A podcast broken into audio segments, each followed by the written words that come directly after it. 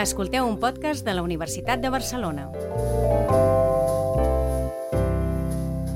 Avui volem parlar amb la nova secretària del Consell de l'Alumnat, que és el màxim òrgan de representació de l'alumnat de la Universitat de Barcelona.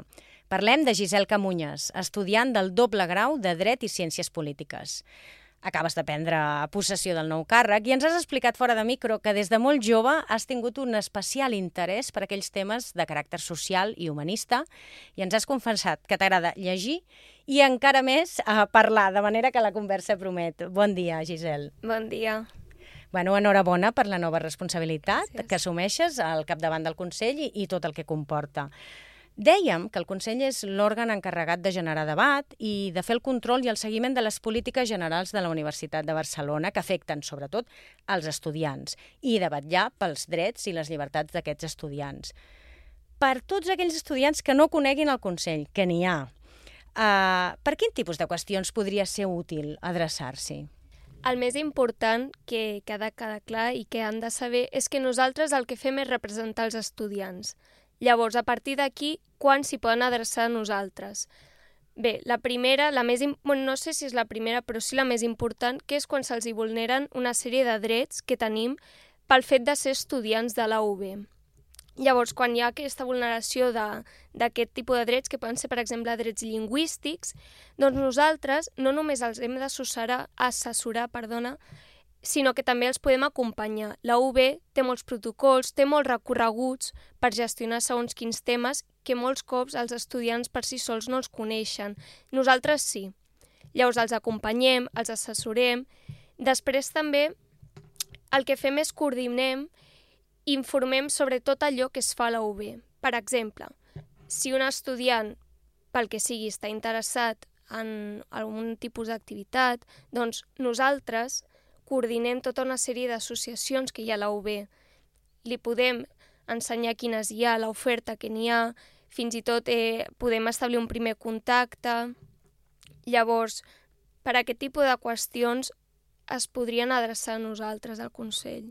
Clar, i vosaltres te teniu la informació d'una banda que fa falta, no? Ara parlaves de les associacions. També igual no són prou conegudes aquestes associacions d'estudiants. L'altre dia parlàvem amb l'encarregat o responsable de l'associació de fotografia i ens deia això, ens deia és que els socis se'ns van graduant no? I, i van marxant i ens fa falta, però la gent no coneix l'associació. Sí, sí, sí, totalment. És a dir, quan parlo de coordinar associacions, són totalment independents i, i cadascuna al seu marge, no? I, i, i treballen de forma independent i autònoma però nosaltres podem ser un, espai, un espai i hem de ser un espai on coordinar tot aquest tipus d'associacions per donar-se a conèixer, el qual és un benefici no només per elles, com ara deia aquest company de fotografia, sinó també per la gent que pot estar interessada i que no ho sap, o gent que vol simplement no només interessar, per exemple, per seguir amb el mateix tema amb la fotografia, sinó fer vida universitària a través d'aquestes associacions. És clar, i igual que no es coneixen les associacions, pot passar que no es conegui el Consell de l'Alumnat. I, per tant, quan tindrien una qüestió que sí que seria susceptible de venir a vosaltres, igual ni hi pensen. Ara heu renovat, heu renovat aquest Consell, eh, després d'uns mesos d'inactivitat, i el, finalment, a finals de febrer es va celebrar la primera reunió, de la qual, com dèiem, doncs, eh, tan nomenat, es derivava que et nomenaven nova secretària, i també s'ha nomenat la comissió permanent, que està formada per set membres, és a dir, no estàs sola al capdavant del Consell, o igual sí que estàs a dalt de tot, però tens una comissió permanent formada per set uh, alumnes més que, que et donen suport. De quina manera us organitzeu, com us heu repartit la feina, uh, perquè la gent entengui una mica millor no? fins a quin és l'abast del Consell i, i, i fins on podeu arribar. Nosaltres, com bé has comentat, vam fer una primera reunió Llavors, en aquesta primera reunió es van tractar els temes més urgents, que era en aquest moment eh, nomenar una, un secretari, perquè no teníem, i després, evidentment, tractar temes de caire eh, administratiu o com gestionar el propi equip a nivell intern. La nostra intenció és aprofitar les virtuts que tenim cadascú de nosaltres. És a dir, tenim la sort que som un equip molt divers i molt polivalent, no només perquè hi ha gent de moltes facultats, sempre a vegades amb aquest tipus d'institucions sembla que les monopolitzem aquells que estudiem dret, ciències polítiques, en aquest cas venim de tota la UB, venim de diverses facultats, llavors aprofitar eh, doncs aquesta diversitat, aquesta riquesa. Llavors, la forma de gestionar-ho per aprofitar això que dèiem, per aprofitar aquests recursos que tenim, és primer en equip, diversificar les funcions, les tasques, això és el més important, i la segona és, per exemple, si una persona, si un dels nostres companys forma part, com dèiem abans, d'una associació, doncs aquesta persona segurament en sap molt més que jo sobre com coordinar associacions, què necessiten les associacions, quan és un bon moment per contactar-hi, etc. Aquesta persona se li delegarà aquest, aquest tema, aquesta comissió. També tenim, per exemple, companys, un, bueno, un company que és ambaixador de, de l'UNICAT. El Jan Botí. El Jan Botí, exacte. Doncs ell segurament és el més indicat a l'hora de tractar segons quins temes de caire més doncs, a l'hora de buscar feina a la Unió Europea, institucions de la Unió Europea, que és un tema que interessa a la resta d'estudiants. Per tant, sobretot, ens volem fixar en diversificar les funcions i treballar en equip. -hmm. Això és el més important. Clar, en funció de l'expertesa o el coneixement de cadascun dels sí, membres. Sí, les virtuts que té cadascú i sobretot allò també que ens interessa a cadascú. Perquè també volem, volem crear un espai on, on divertir-nos, on passar-nos-ho bé i on poder treballar a gust. Per tant, allò que cadascú, és a dir, cada expert en la matèria, per així dir-ho... Si ho domines més... Exacte, doncs que s'encarregui d'allò i la resta de temes a tractar doncs, entre tots. I com, com, quins objectius prioritaris us heu fixat en aquesta primera etapa? No? Ara mm, us esteu organitzant encara, no? distribuint les tasques, però com a objectius prioritaris, que digueu, no, és que el Consell de l'Alumnat, abans de que acabi el curs, ha d'haver aconseguit això. Sí. Nosaltres, com et deia, com, bueno, com molt bé deies, som el màxim òrgan de representació estudiantil. Llavors, la nostra tasca principal sempre ha de ser una, que és la de contribuir, la de col·laborar a millorar el sistema educatiu. Aquest és l'objectiu prioritari per definició. I en base a aquest objectiu s'han de derivar la resta, han de néixer la resta d'objectius, projectes, etc i ambicions.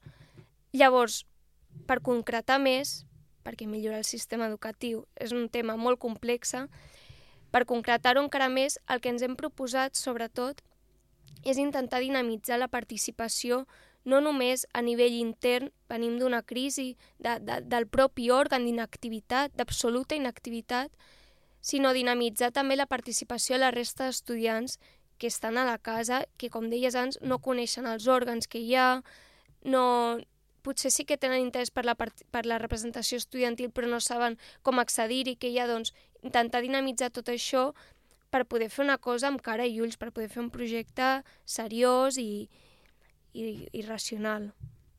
I una de les accions que dureu a terme és, com per exemple, fer aquest podcast, no? Exacte. Al final, si voleu que us coneguin, us heu de donar a conèixer. Sí, és a dir, entre totes les activitats que podem fer, que es van plantejar en aquesta primera reunió, una d'elles justament a part d'aquest podcast, era en general dinamitzar xarxes socials. Tenim també unes xarxes, social, xarxes socials inactives que no utilitzem, que ningú està al càrrec d'aquestes xarxes que s'han de gestionar, llavors dinamitzar-les. També eh, hi ha un tema molt important que crec que no s'està tractant el suficient perquè aparentment no, no sembla un tema tan, tan decisiu, però que és el tema presencialitat. Nosaltres venim amb dinàmiques de Covid, perquè la gent que estem, estem entre segon, quart de carrera, la majoria de nosaltres hem entrat amb dinàmiques de Covid. Quines són les dinàmiques de Covid? Teams, eh, com a molt formats híbrids, hem pogut veure, però crec que tot això no acompanya a la participació. Llavors, el que ens hem proposat és, és a dir, hi ha un debat, que és un debat que s'ha donat sempre al llarg de la història, que és sobre els límits de, de les noves tecnologies, de les innovacions. Les reunions eh, telemàtiques han vingut per quedar-se i són un gran què. I el que abans no veiem, abans de pandèmia, de mira, és que és un avantatge una persona que no es pot desplaçar, que es pugui connectar i pot fer la reunió, i estic mm, absolutament a favor i em sembla, de veritat, un gran què. Ara bé, sempre fer aquestes reunions de forma telemàtica ha contribuït a que hi hagi una disminució de la participació. per coses tan senzilles com no posar-te la càmera, no, no participar amb el micro, és a dir, els éssers humans, l'home, necessita contacte, necessita eh, treballar de tu a tu, eh, estar amb aquesta persona, vull dir, necessitem, per treballar bé, necessitem veure, necessitem tocar-nos, necessitem olorar. Llavors, un dels objectius que ens hem proposat és tornar a aquesta presencialitat.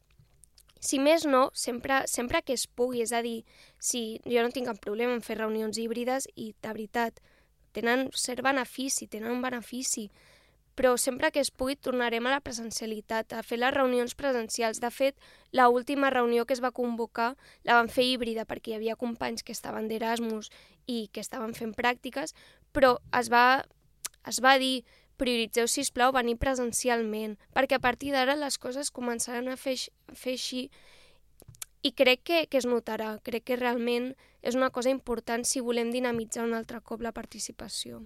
Sí, jo estic d'acord amb tu, eh? Um, jo em dedico a la comunicació digital, però entenc que el tu a tu estic segura que, que bueno, aporta més que no pas resta. Sí que és veritat que a nivell de sostenibilitat doncs és fantàstic que si has de fer una reunió a Madrid sí, sí, t'estalvis l'avió, però el que deies tu, trobar l'equilibri igual, no? I tant, però és a dir, si és en aquests casos, es farà online. S'ha d'aprofitar els beneficis, però alhora no perdre tot Exacte. el que té el contacte, el tu a tu, el Exacte. cara a cara, no? Um, quina, quina interlocució teniu amb els òrgans de govern de la universitat, amb, amb l'equip rectoral, la vicerrectora d'estudiants, entenc que és una figura clau sí, sí, sí, uh, totalment. amb vosaltres, però quin tipus d'interlocució teniu o, o teniu previst tenir, ara que te n'has fet càrrec, no? Amb, amb quina periodicitat us eh, reunireu? Quin tipus de temes despatjareu amb ella? Nosaltres tenim reunions eh, mensuals amb la vicerrectora i a part ella i jo eh, tenim contacte directe, ens reunim sempre que, que faci falta, tenim també unes reunions ja agendades fins a finals de juny, llavors la comunicació en principi serà bastant fluida intentarem que sigui periòdica i a més amb el rectorat doncs, també per qualsevol tema que faci falta. Encara no he conegut el rector, estic esperant. És que té l'agenda molt apretada. Interpel·lo des d'aquí. Ostres, que... doncs a veure, sí. Joan, si us plau, que la Gisel et vol conèixer. Uh, segur que et fa un forat, però és veritat sí, que, que, bueno, i aquest mes de març és, és molt...